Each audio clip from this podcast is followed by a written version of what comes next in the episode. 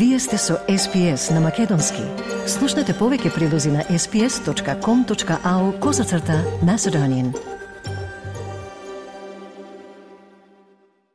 СБС им оддава признание на традиционалните собственици на земјата со почет кон народот Боронџери во Еворанг, припадниците на нацијата Колин, нивните минати и сегашни старешини и традиционалните собственици на сите земји на абориджините и народите на Торе Стрейт.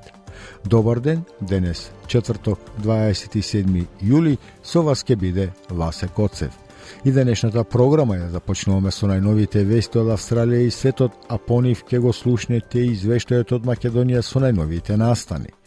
Во денешната програма ќе слушнете и прилози за посетата на премиерот Албанези на Нов Зеланд, но и за планот вреден повеќе милиарди долари за спас на базенот на реката Маре и Дарлинг.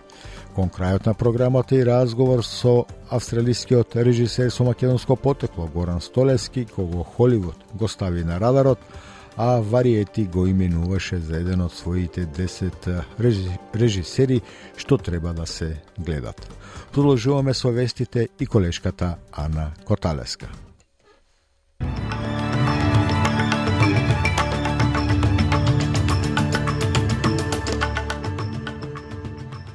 Благодарам Васе, добар ден и од мене. Во овој билтен на јужнокорејска фирма е доделен профитабилен договор за изградба на пешадиски борбени возила за австралиските одбранбени сили. Почина ирската пеачка, кантавторка и активистка Шинейд О'Конор на 56 годишна возраст. Скопје и Македонија одбележаа 60 години од катастрофалниот земјотрес што го погоди главниот град. И во спортот, австралиската Моли О'Калахан го собори најдолготрајниот светски рекорд во женско пливање. На СПС на Македонски следуваат вестите за 27 јули 2023 година. Јас сум Ана Коталеска.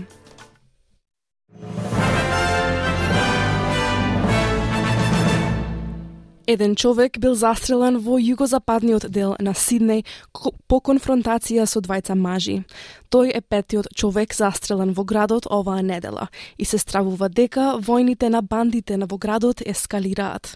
Полицајците од Нофижен Велс го пронашле човекот со повеќе прострелни рани во Кентербери околу 2 часот утрово. Му била укажана медицинска помош, но тој починал на местото на настанот. Мажот, кој се верува дека е во 20-тите години, допрва треба да биде официјално идентификуван. Полицијата на Нофижен Велс соопшти дека престрелките се поврзани со мрежи на организиран криминал, кои се расправаат околу незаконска трговија со дрога во Сиднеј. Човекот беше застрелан недалеку од местото каде што вчера беше застрелан криминалниот адвокат од висок профил Махмуд Абас. Јужнокорејска компанија е избрана да произведува пешадиски борбени возила за австралиската армија. 129 возила од класата Redback ќе бидат изградени во градот Джилонг во Викторија, од страна на одбранбената компанија Hanwha Австралија, што ќе чини земјава помеѓу 5 и 7 милиарди долари. Министерот за одбранбен, одбранбена индустрија Пат Конрој го нарече ова еден од најголемите проекти во историјата на армијата и рече дека очекува првите возила 2027. This is one of the largest projects in the history of the army. The cost will be subject to detailed negotiations, but is expected to be between 5 and 7 billion dollars. These state-of-the-art armoured vehicles will come with the latest generation armour, cannon and missiles, providing the protection, mobility and firepower needed by soldiers in close combat.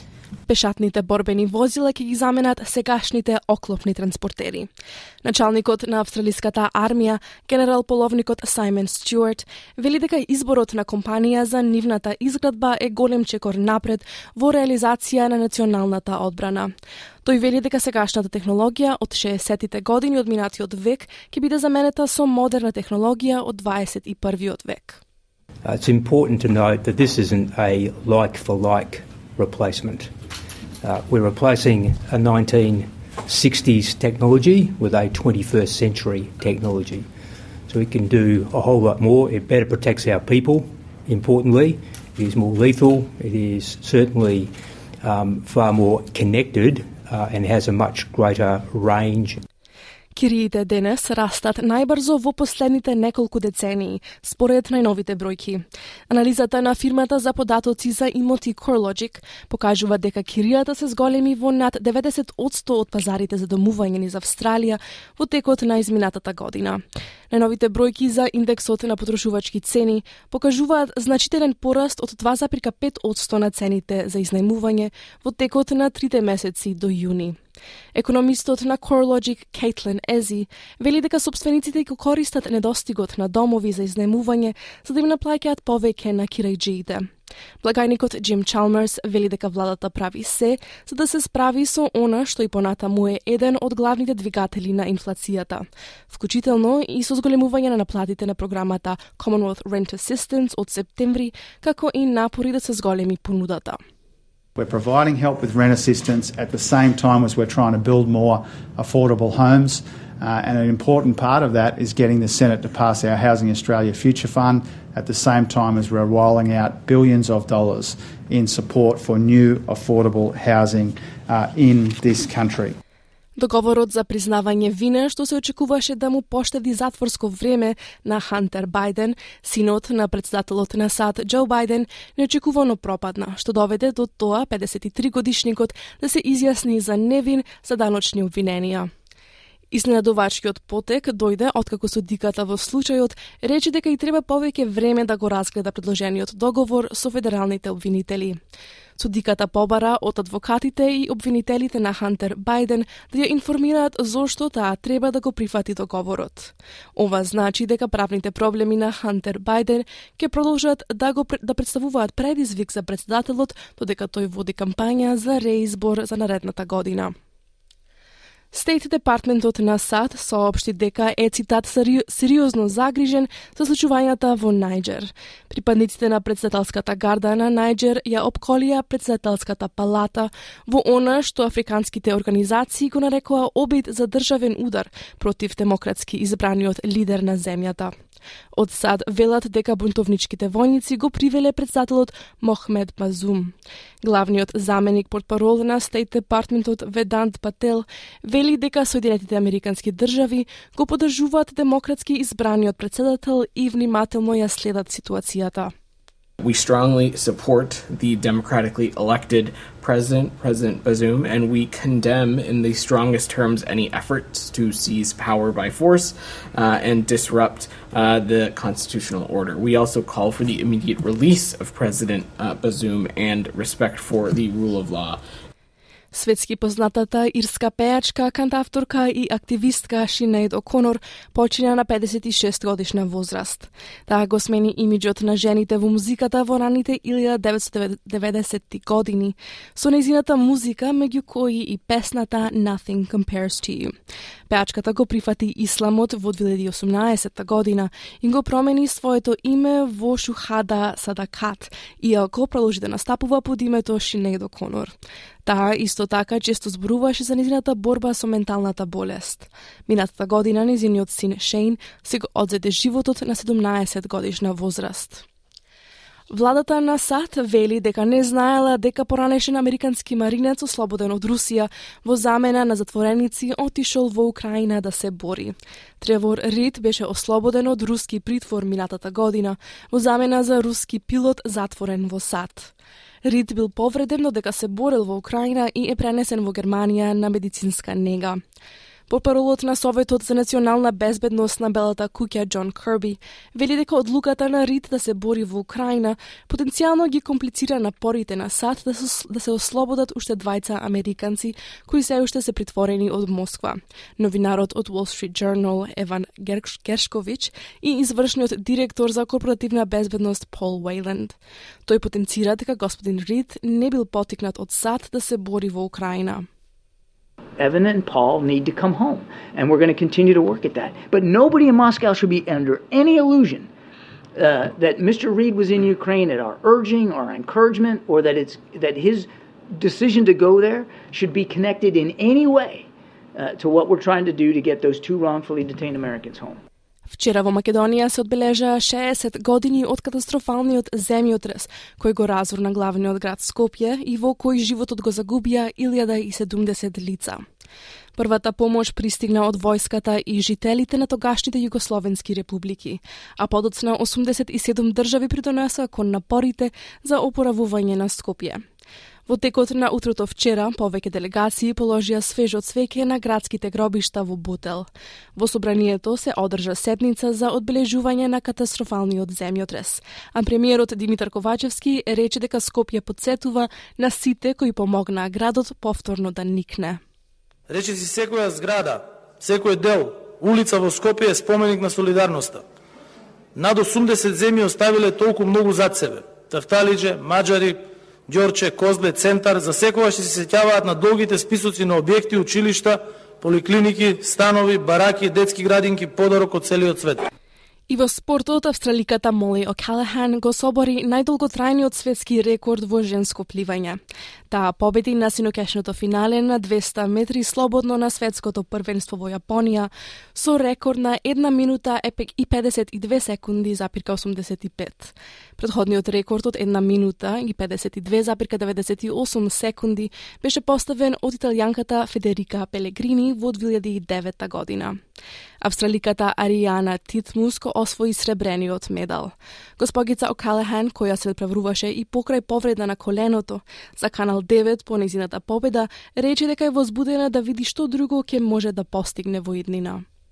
I didn't know how I was going to race, and like the lead up to this has been so like up and down like a roller coaster. Um, just with injury and then coming off the trials and all that. So just to do that, I just think is just incredible, and I'm excited for what else I can do.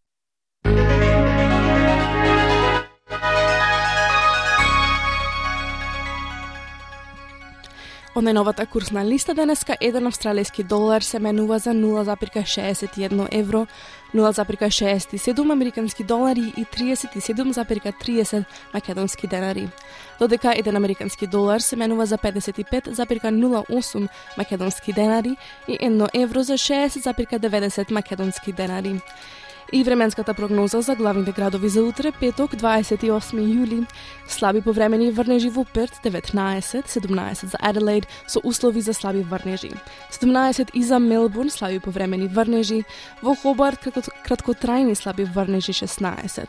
Во Канбера, слаби повремени врнежи, 14 степени. За Сиднеј, предежно сончево, 23. 23 за и за Бризбен, делумно облачно. Во Дарвин, предежно сончево, 31 степен. И за Елес Alice Springs делумно облачно 23 степени.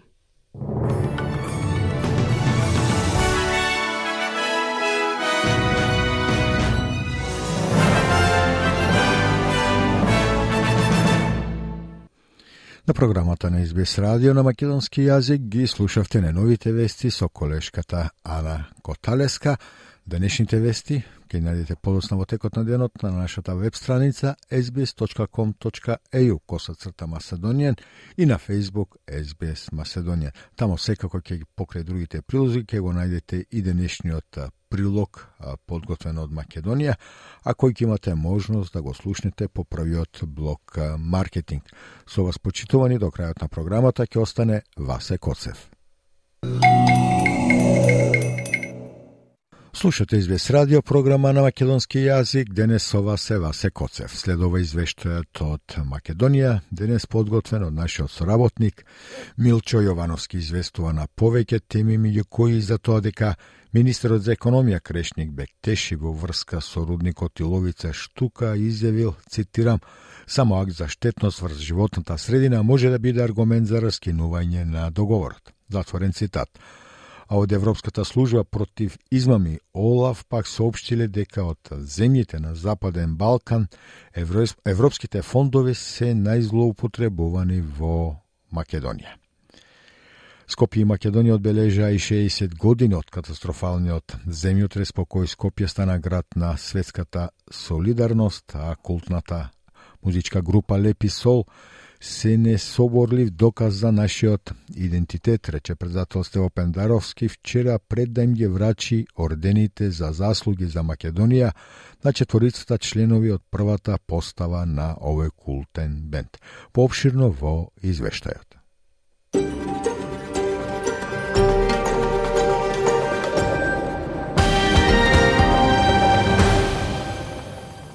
Министерот за економија Крешник Бектеши бара да се донесе акт дека рудникот и ловите штука ќе ја загадува животната средина, за да може еднострано да го раскине договорот за концесија.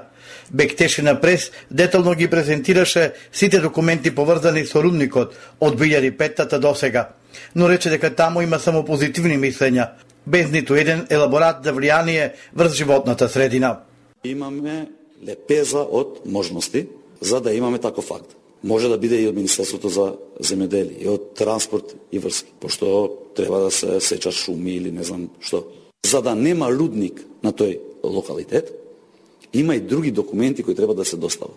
Еден од нив е собраќајна согласност која треба да го прибави концесионерот од страна на Министерство за транспорт и врски и Министерство за внатрешни работи.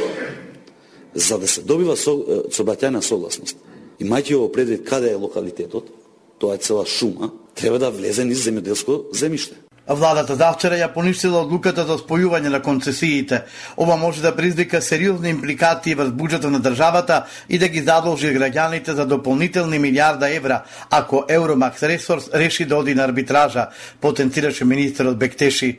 Од Евромакс Ресурсис во сообщението до медиумите рекоа Ке почекаме сите одлуки кои што се однесуваат на спојувањето на концесиите и ловите 6 и ловите 11 за рудникот за Бакар и ловите Штука да бидат јавно објавени со цел заедно со нашиот правен тим да направиме увид во аргументацијата врз основа на која истите се донесени.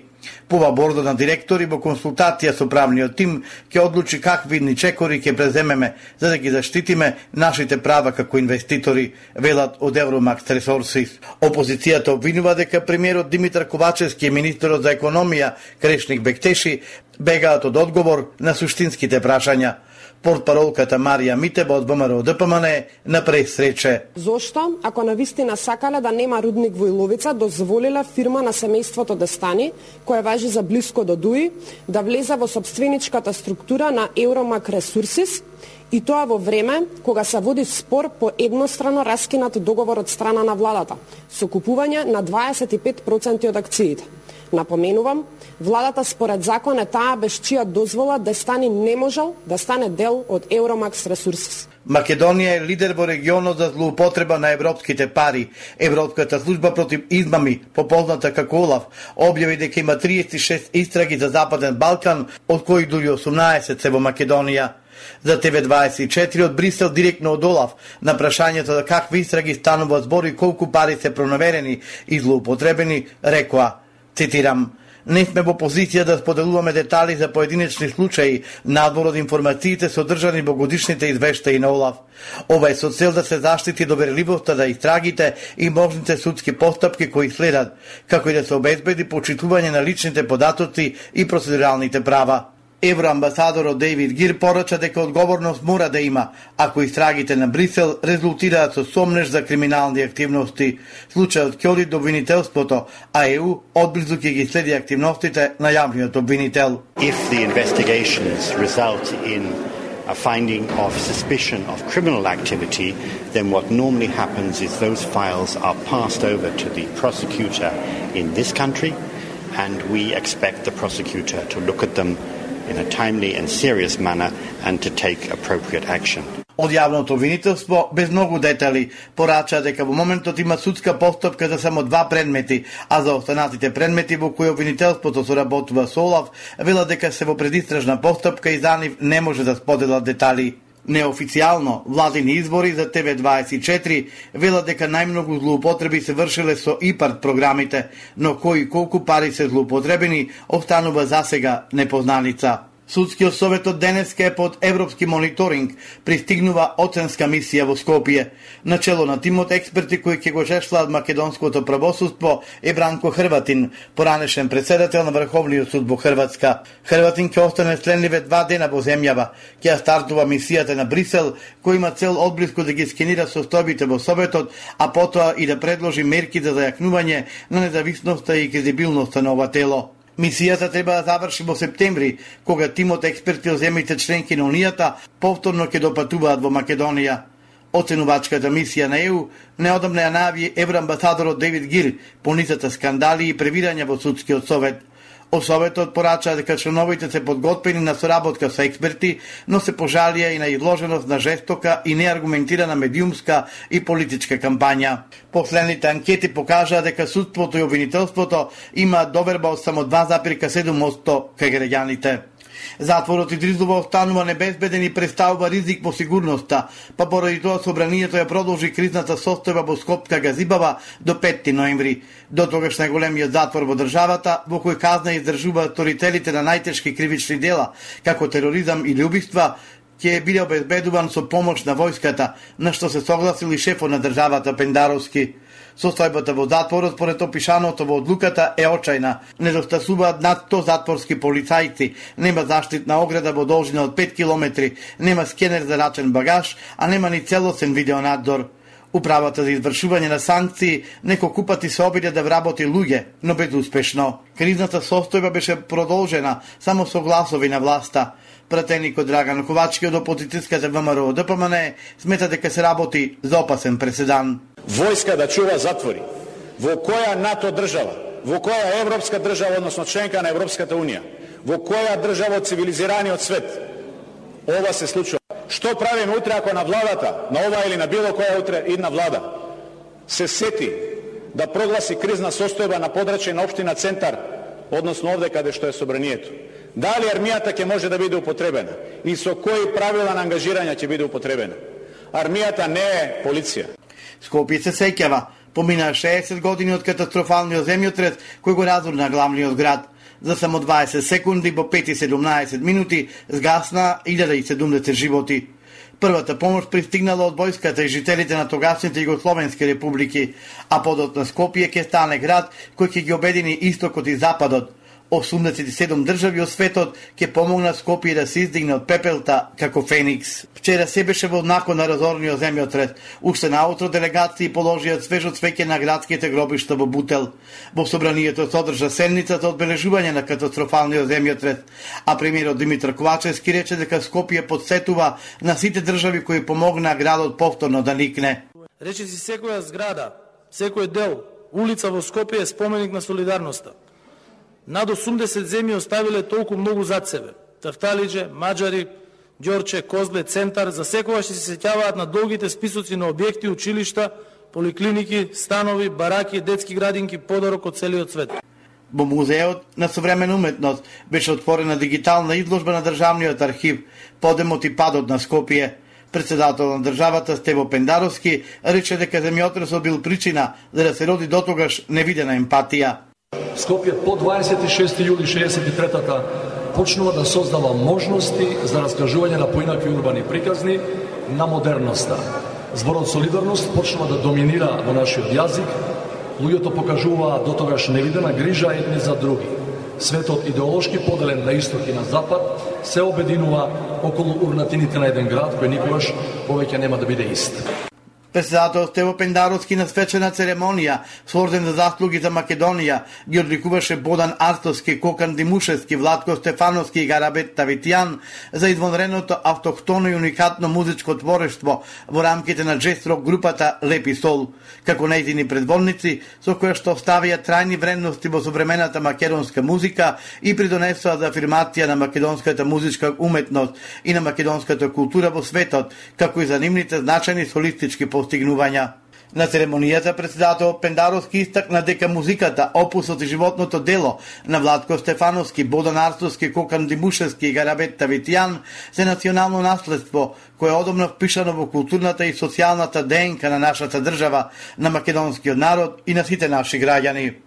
Последниве години испровоцирани од оние кои не се сигурни за собствениот идентитет, Многу време залудно трошиме во дебати за националниот идентитет на нас, македонците, иако тој е заокружен од давнешни времења.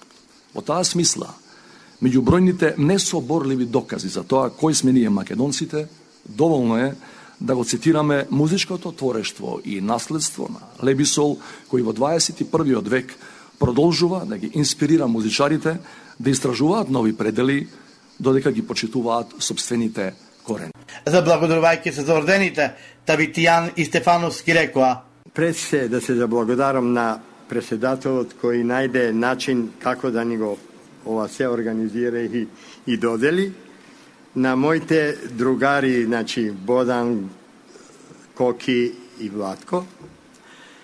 И би сакал да се заблагодарам пресе на македонскиот народ кој не подржа како група. Има една фраза која вели дека наградите зборуваат за оној што ги доделува, а не за оној што ги прима. Со други зборови, драго ми е што имаме председател Стево Пендаровски рокер. Благодарам председателя. Лепи Сол изведуваат музика која е спојна рок, джез фузија и етно. Бендот е формиран во 1976-та, а постоеше до 1995-та. Бендот повторно се собра во 2006-та и одржа турнеја во Македонија и низ регионот. Лепи Сол објави 11 студиски, како и албуми од настапи во живо и компилации.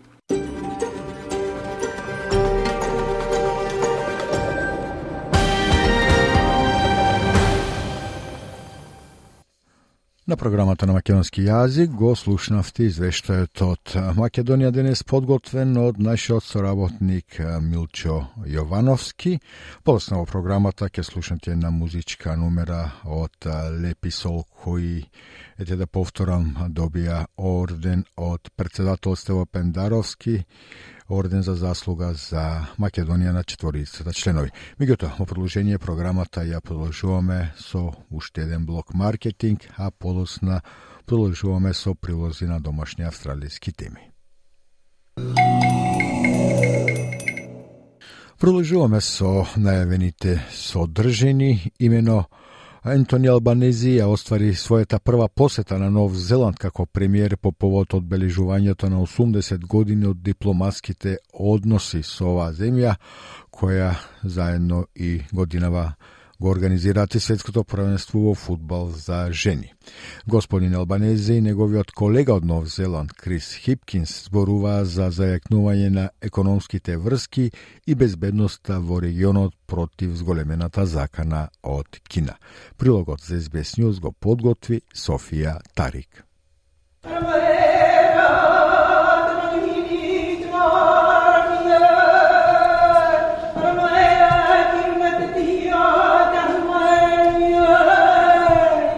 Премиерот Ентони Албанези ја оствари својата прва официјална посета на Велингтон, каде по пети пат се сретна со премиерот на Нов Зеланд Крис Хипкинс.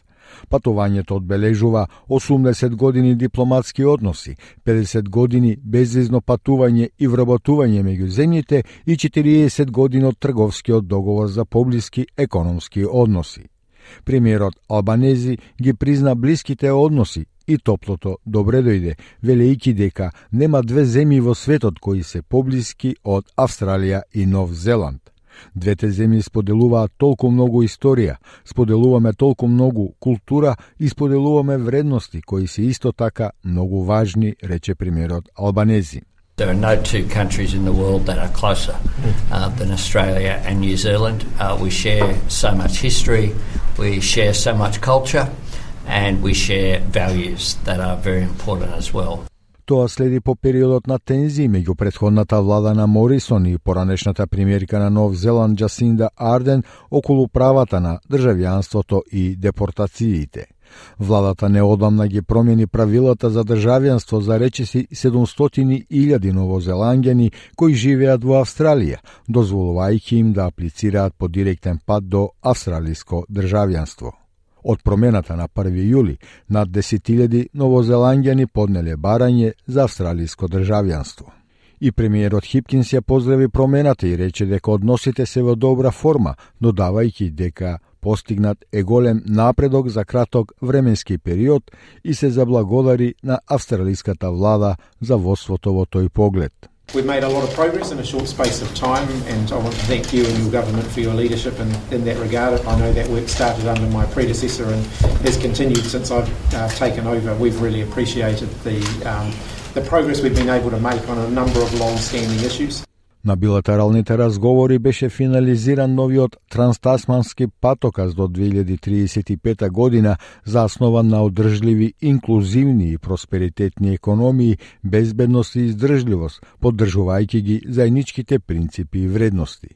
Лидерите се фокусираа на партнерството во Пацификот, поддржувајќи ја меѓународната наредба заснована на правила за да се одговори на зголеменото влијание на Кина во регионот. А минатата недела, премиерот на Соломонските острови, Монасех Согаваре, подпиша политички пакт со Кина и ја обвини Австралија и неизините сојузници за несоседско мешање. Премиерот Албанези потврди дека двете нации треба да бидат активни партнери во семејството на Пацификот, велејќи меѓу другото дека јасно се става до знаење дека Австралија и Нов Зеланд се доверливи партнери и се дел од семејството на Пацификот. We're also uh, making it clear that Australia and New Zealand are reliable partners. Uh, we're part of the Pacific family and part of uh, the determination at the last meeting of the Pacific Island Forum uh, that was held in Fiji uh, was about uh, the Pacific uh, provide Pacific family providing uh, security for ourselves and and helping uh, each other.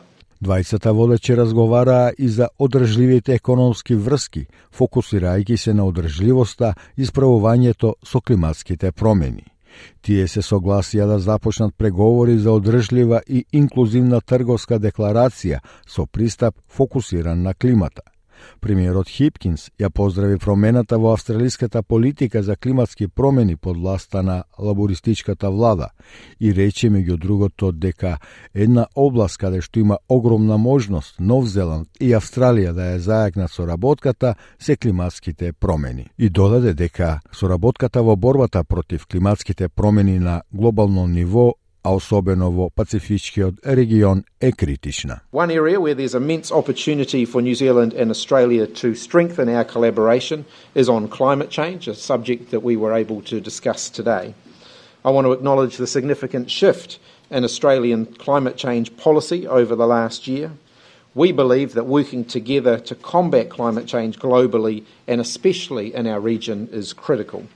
It's the single greatest existential threat to our, the livelihoods, security and well-being of our Pacific partners.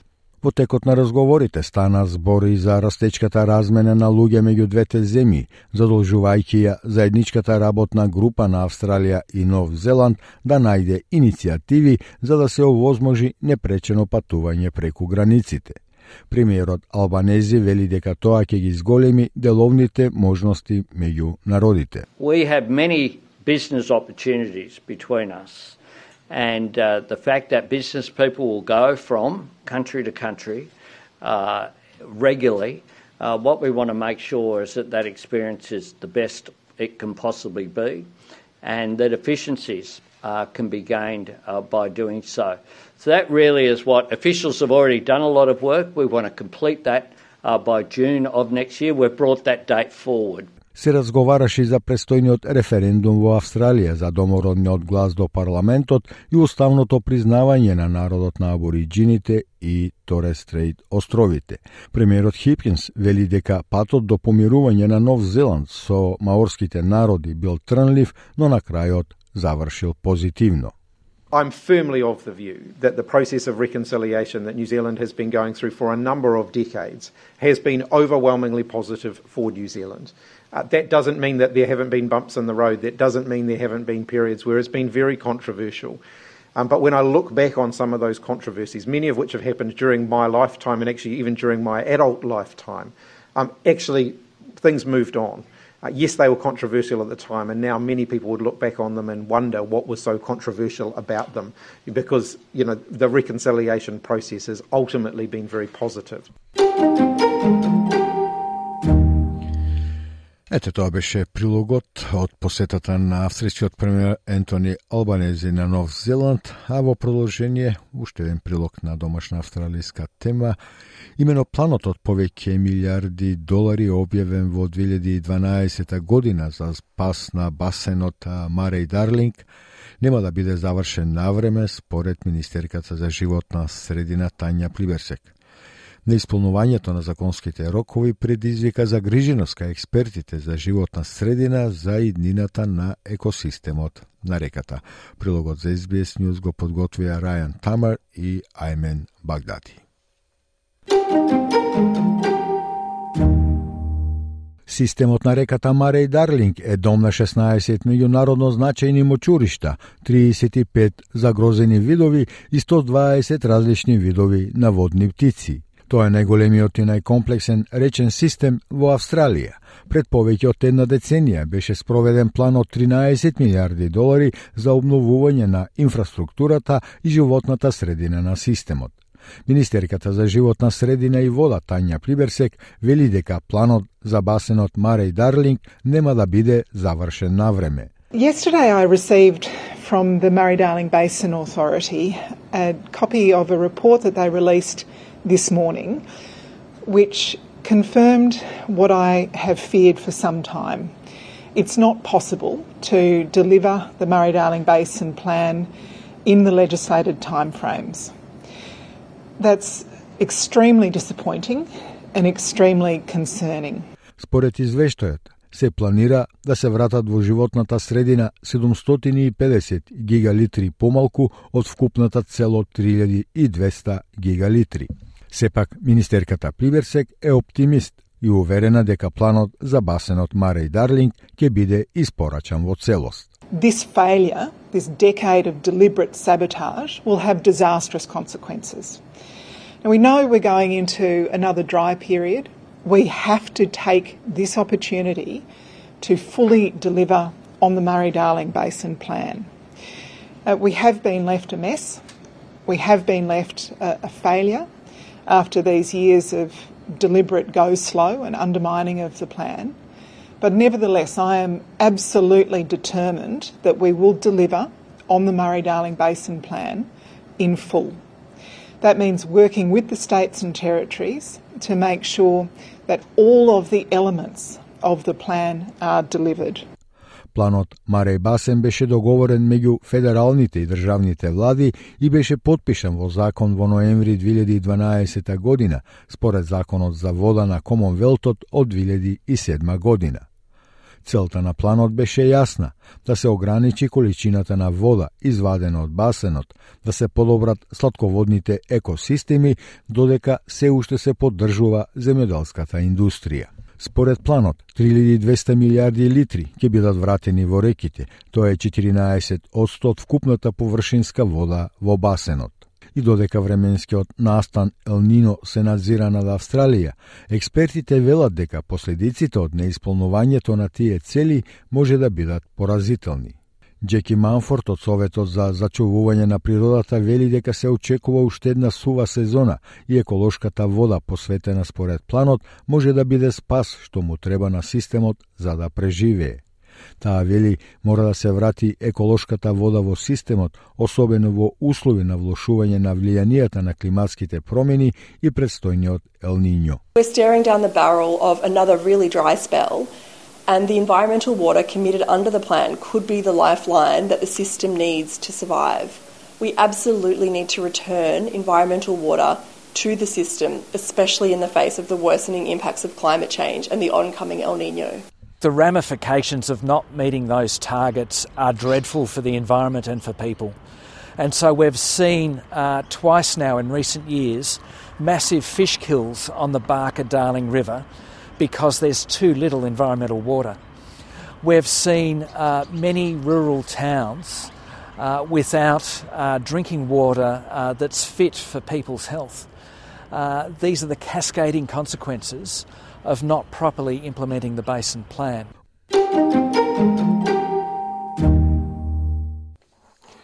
Ете, тоа беше прилогот за спасување на басенов на реката Мари Дарлинг. А, вие почитувани овие прилози како и вестите што ги слушавте на почетокот од програмата и извештајот од Македонија, ќе можете да ги најдете на нашата веб страница sbs.com.eu косацрта црта Macedonian или на Facebook SBS Macedonian. Инако да подсетам дека SBS на македонски можете да слушате преко радио секој ден од понеделник до петок, онлайн и на мобиле. Сега следува уште еден блок маркетинг, а потоа и разговор со режисерот Горан Столески, австралиец со македонско потекло за неговата а, филмска работа.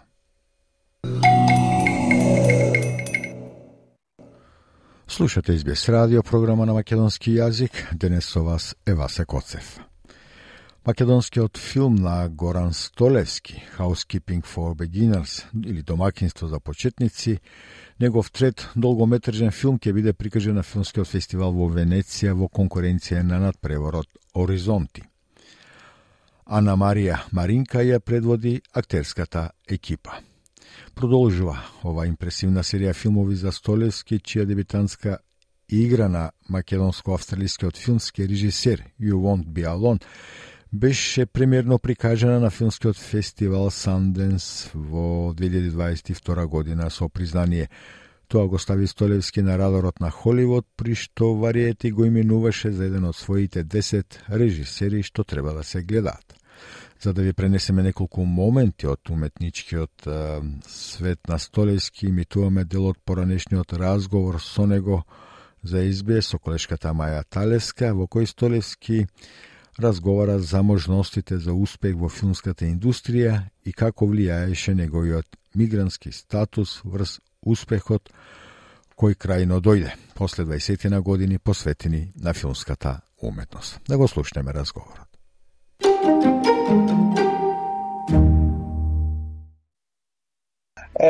Убаво е чувството секако, мислам дека и јас сум баш сите кои што се блиски до мене, кои што не знам, речем ми следе кариерата, ама се однесува на сопругот на мајка ми на татко ми, кој што ете исто 20 години ме, ме бодрат и се надева дека целиот овој труд ќе води кон нешто како што е годинава која што сега ја доживувам.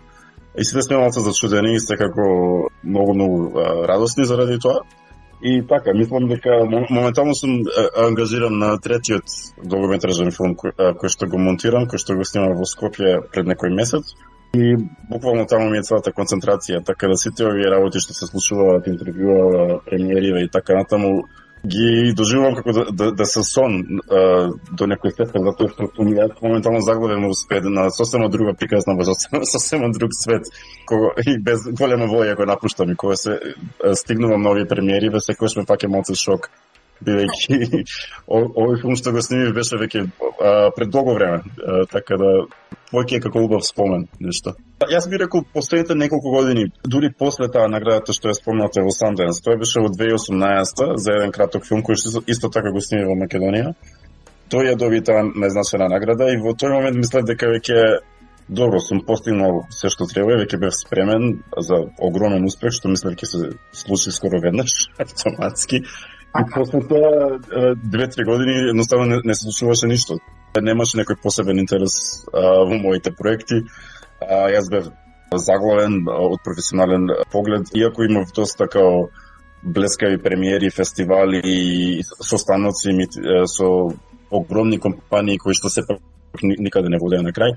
И иронијата е што предходните 15 години јас бев во позиција каде што буквално немав ни еден состанок, ни фестивал, ни премиера, ни ништо, ама во тој момент бев толку оддалечен од некој ваков успех што делуваше стварно како сон, ама во, во, во, кога си во таа состојба може едноставно може да сонуваш, затоа што нешто што делува недопирливо, кога се стремиш кон тоа, некогаш е подобро да да не знаеш колку е далеку, далеку. Да, кога ја сватив која е реалноста да, и која се случуваа нови препреки и, и кога се појавуваа нови као невозможности, не знам како да ги наречам, тие години беа многу тешки, од 2018 до 2020, од прилика. А, па да, ја ствари требаше да го снимам филмот во март 2020 и баш слетав во Македонија на, мислам, на 5 март или така нешто и се вратив на 8 толку брзо се се се се тоа, значи стигна таму да да почнам да подготвувам филм, направив две аудиции, испив четири кафења со четири тетки и се вратив во Австралија затоа што целиот свет имплодираше во тој момент. Па не, како прво мислам, е, многу е комплицирано за дете од скромни околности во Тетово дури да станува тек да стане филмаджија кај нас, колку и да е тешко овде индустријата, мислам таму уште потешка и условите очигледно од економски поглед се далеко потешки, така да воопшто не мислам дека би размислувал да станам уметник доколку би останале во Тетово. И, и од овде беше до некој степен нереално, мислам, некој што и, и од овде некој што потекнува од македонската заедница, нема никој не му се отвара врати лесно. И, не, воопшто не би очекувал кога не би бил мигрант, а, а исто така кога се преселивме овде тогаш се роди таа склоност и љубов моја према киното и према филмовите, бидејќи кога стигнав овде не познавав многу луѓе и во таа изолација, мислам, автоматски како човек бараш некаква конекција, не, нешто кога ти фали другарство и осет околу други луѓе. И мислам дека за мене тоа го исполнија филмовите што ги гледав. Како уметноста на некој начин се исполнува во тој емоционален поглед за некои работи што ми фалеа во секојдневниот живот на времето. Така да љубовта кон уметноста се роди од тоа што сум емигрант. И сега овој првиот филм кој што моментално игра во кино не за Австралија, да потенцираме. Тој всушност приказната иако е за над, надприродни теми, приказната е за девојка која што расте изолирана од човештвото, која е прв пат влегува во една заедница, сите делуваат чудно и, и фасцинантно. И тешко е да се, да се склопи меѓу нив за мене тоа мислам дека е, има очигледни паралели што се однесува на искуството како имигрант кој доаѓаш во нова заедница и иако сите некако мислам се луѓе познаваш дека се луѓе се однесуваат меѓусебно на некој сосем странски начин иако јас сум странец во оваа заедница Мислам дека очигледно тоа што сум имигрант влие на многу директен начин врз уметност и делата што ги стварам. Мада многу често не сакам да го потенцирам тоа, зашто сепак би сакал да мислам дека приказните што ги составам се универзални. Па, генерално, не е ова мислам само филмската индустрија, повеќето индустрии во светот. Многу е полесно ако си богат. Ставно речено, кога на почеток, ако имаш врски, обично фамилиарни или на некој друг начин, а посебно во уметностите. И не, не мислам дека ова само во Австралија или пак во Македонија, мислам ни цел свет, обично тоа уметничко поле затоа што е многу тешко очигледно да се пробие низ него. И треба долги години обично од невработеност или некои мали мали работи на страна многу е покомплицирано за некој што потекнува од од не толку богати корени. Едноставно речено. А, кога зборувам за тоа, не мислам дека би бил повеќе талентиран, ако сум роден во Австралија, воопшто мислам наспротивно, но не мислам дека талентот и успехот се секогаш поврзани во оваа индустрија и секако постојат а, многу посериозни пречки за луѓе што доаѓаат или не само од мигрантска потекло, туку едноставно по, по-скромно, по-сиромашно потекло, затоа што многу е потешко да се преживее и истовремено да се да се развие талентот и а, струката затоа што за тоа се обично потребни доста пари и некои услови што едноставно не се толку достапни кога си од потегло како што е моето или виркол нашето. Многу е тешко да се избегне тоа, да секој гледам да ја сменам темата или да потенцирам ако директно некој те прашува прашање на оваа тема и се културно би сакам да одговорам и на крај тоа ќе остава како headline, тоа е насловот. Наместо се зборува за темите или приказната или кариерата или уметноста или так. било која идеја која што е потенцирана во сите филмови што ги имам до сега. Теко се нешто за демо, демографското, за тоа мигрант, геј, ова, она. За мене, мислам, како што реков, ја, ја правам филмови за публика што, например, би сакал некој 50 години по, кога ќе умрам, уште да ги гледа филмовите мои, не би сакал да биде тоа некој тоа се само геј македонци во Австралија или така нешто. Јас правам филмови за сите. Би сакал да се поврзам со колку што може повеќе луѓе на, на таа емотив, емотивна основа преку филмовите приказните. И сега би сакал е, да мислам дека тоа се уште може да се случи, ама комплицирани се интервјуата со медиумите, кои што секогаш го барат тој наслов кој што е би бил најактуелен, без разлика дали е тоа нешто што а, вистински ме репрезентира или доловува нешто тоа што би сакал да, да го изјаснам. Како прво мислам, јас сакав да направам некоја приказна која што има корени во хоророт, ама воопшто не е хорор филм. Не, мисла, не, би, не би го опишал конкретно како хорор филмов, не е посебно страшно, едноставно е како некоја бајка или легенда што би била кажана, например, баба или дедо на внуче би, би му раскажал. А, и сакав да направам нешто тако, што наместо да биде страшно или ужасно или језиво, едноставно биде као да, да делува како секојдневен живот. Така да комбинирам нешто што навистина го доволува живот како што бил во 19 век, еден тој земјоделски живот кој што го формира човештвото со не само во Македонија, туку по големиот дел светот со илјадници години. И што сега полека исчезнува. И сега во овие последни моменти пред сосема да исчезна, сакав да пробам да го доловам. И сакав истовремено да биде таа приказна нешто као да не е врзана за времето, за временскиот период, затоа што ист, истата приказна би можела да биде прикажана во 13 или 15 век со многу многу мали разлики. А, сака да биде нешто као што иако е действието Македонија поточно порече во 890-тите години да биде истовремено релевантна за било кој предел во Евроазија во било кој време, во било кој временски период. Не беше конкретно инспирирана од некоја македонска приказна, сосема ја измисли, ама ги проучував фолклорите од тој регион и исто поголемиот од истрагата се прави за, за филмов е за буквално секојдневниот земјоделски живот во Порече во 19 век. И поголемиот дел од филмот се обвива околу тоа, каков бил секојдневниот живот, кои биле адетите, без да биде тоа нешто екзотично, туку како што би било секој ден во тие наши предели во тоа време. Бонусот од оваа тешка патека да се стигне до оваа позиција е што веќе себе си се знам доста добро и за, за да вреди трудот од овие 20 години, едноставно мора да направим филм кој што јас би го сакал, во кој што јас би уживал и во кој што, кој што би се осеќал поврзан на некој начин како што реков, ми беше мене целта да, да опфатам нешто како што е, бил секојдневниот живот во Порече во 19 век. За мене не може никаква логика поричаните да зборуваат на англиски. И знаев дека филмот и за понизок буџет може сепак да се сними до некој степен да и да изгледа како што треба, без да се жртвува ништо, освен платата. Платата собствена е жртвува, тоа беше проблемот. Ама преживеавме на некој начин и без тоа, не е тоа толку страшно. И луѓето зборува исто има и влашки и македонски во филмот, значи не е само македонски. А македонскиот диалект во кој што зборуваат, е, тој е исто така детално истражуван да биде поврзан со северно-поречкиот и полошкиот диалект од тој период заради таа тема да се долови нешто како што било секојдневието и да се задржи, затоа што овој филм може да се гледа за 100 години и луѓе да знаат како се живеело во Порече во 19 век. И моментално имаме многу малку дела кои што го фаќаат тој период и било кој наш историски период на некој реален начин кој што го прикажува секојдневието и заради тоа ми беше важно да видам што колку што може веродостоен на тоа како се живеело на времето.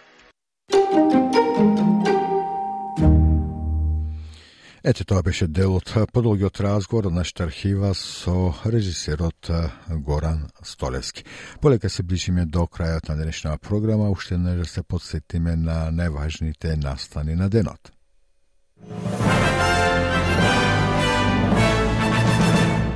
На јужнокорејска фирма е доделен профитабилен договор за изградба на пешалиски борбени возила за австралиските одбрамбени сили почина пејачка, пеачка, авторка и активистка Шинејто Конор на 56 годишна возраст. Скопје и Македонија одбележаа 60 години од катастрофалниот земјотрес и австралиската пливачка Молио Калаган го собори најдолготрајниот светски рекорд во женското пливање.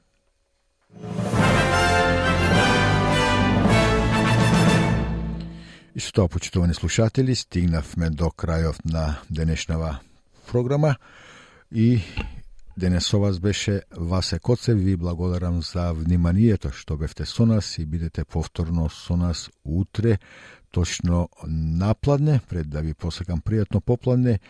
А, како што најме пред почетокот, мал дел од песната Чукни во дрво од култната група Лепи Сол, која доби орден за заслуга од македонскиот председател Стево Пендаровски. Пријатно попладне.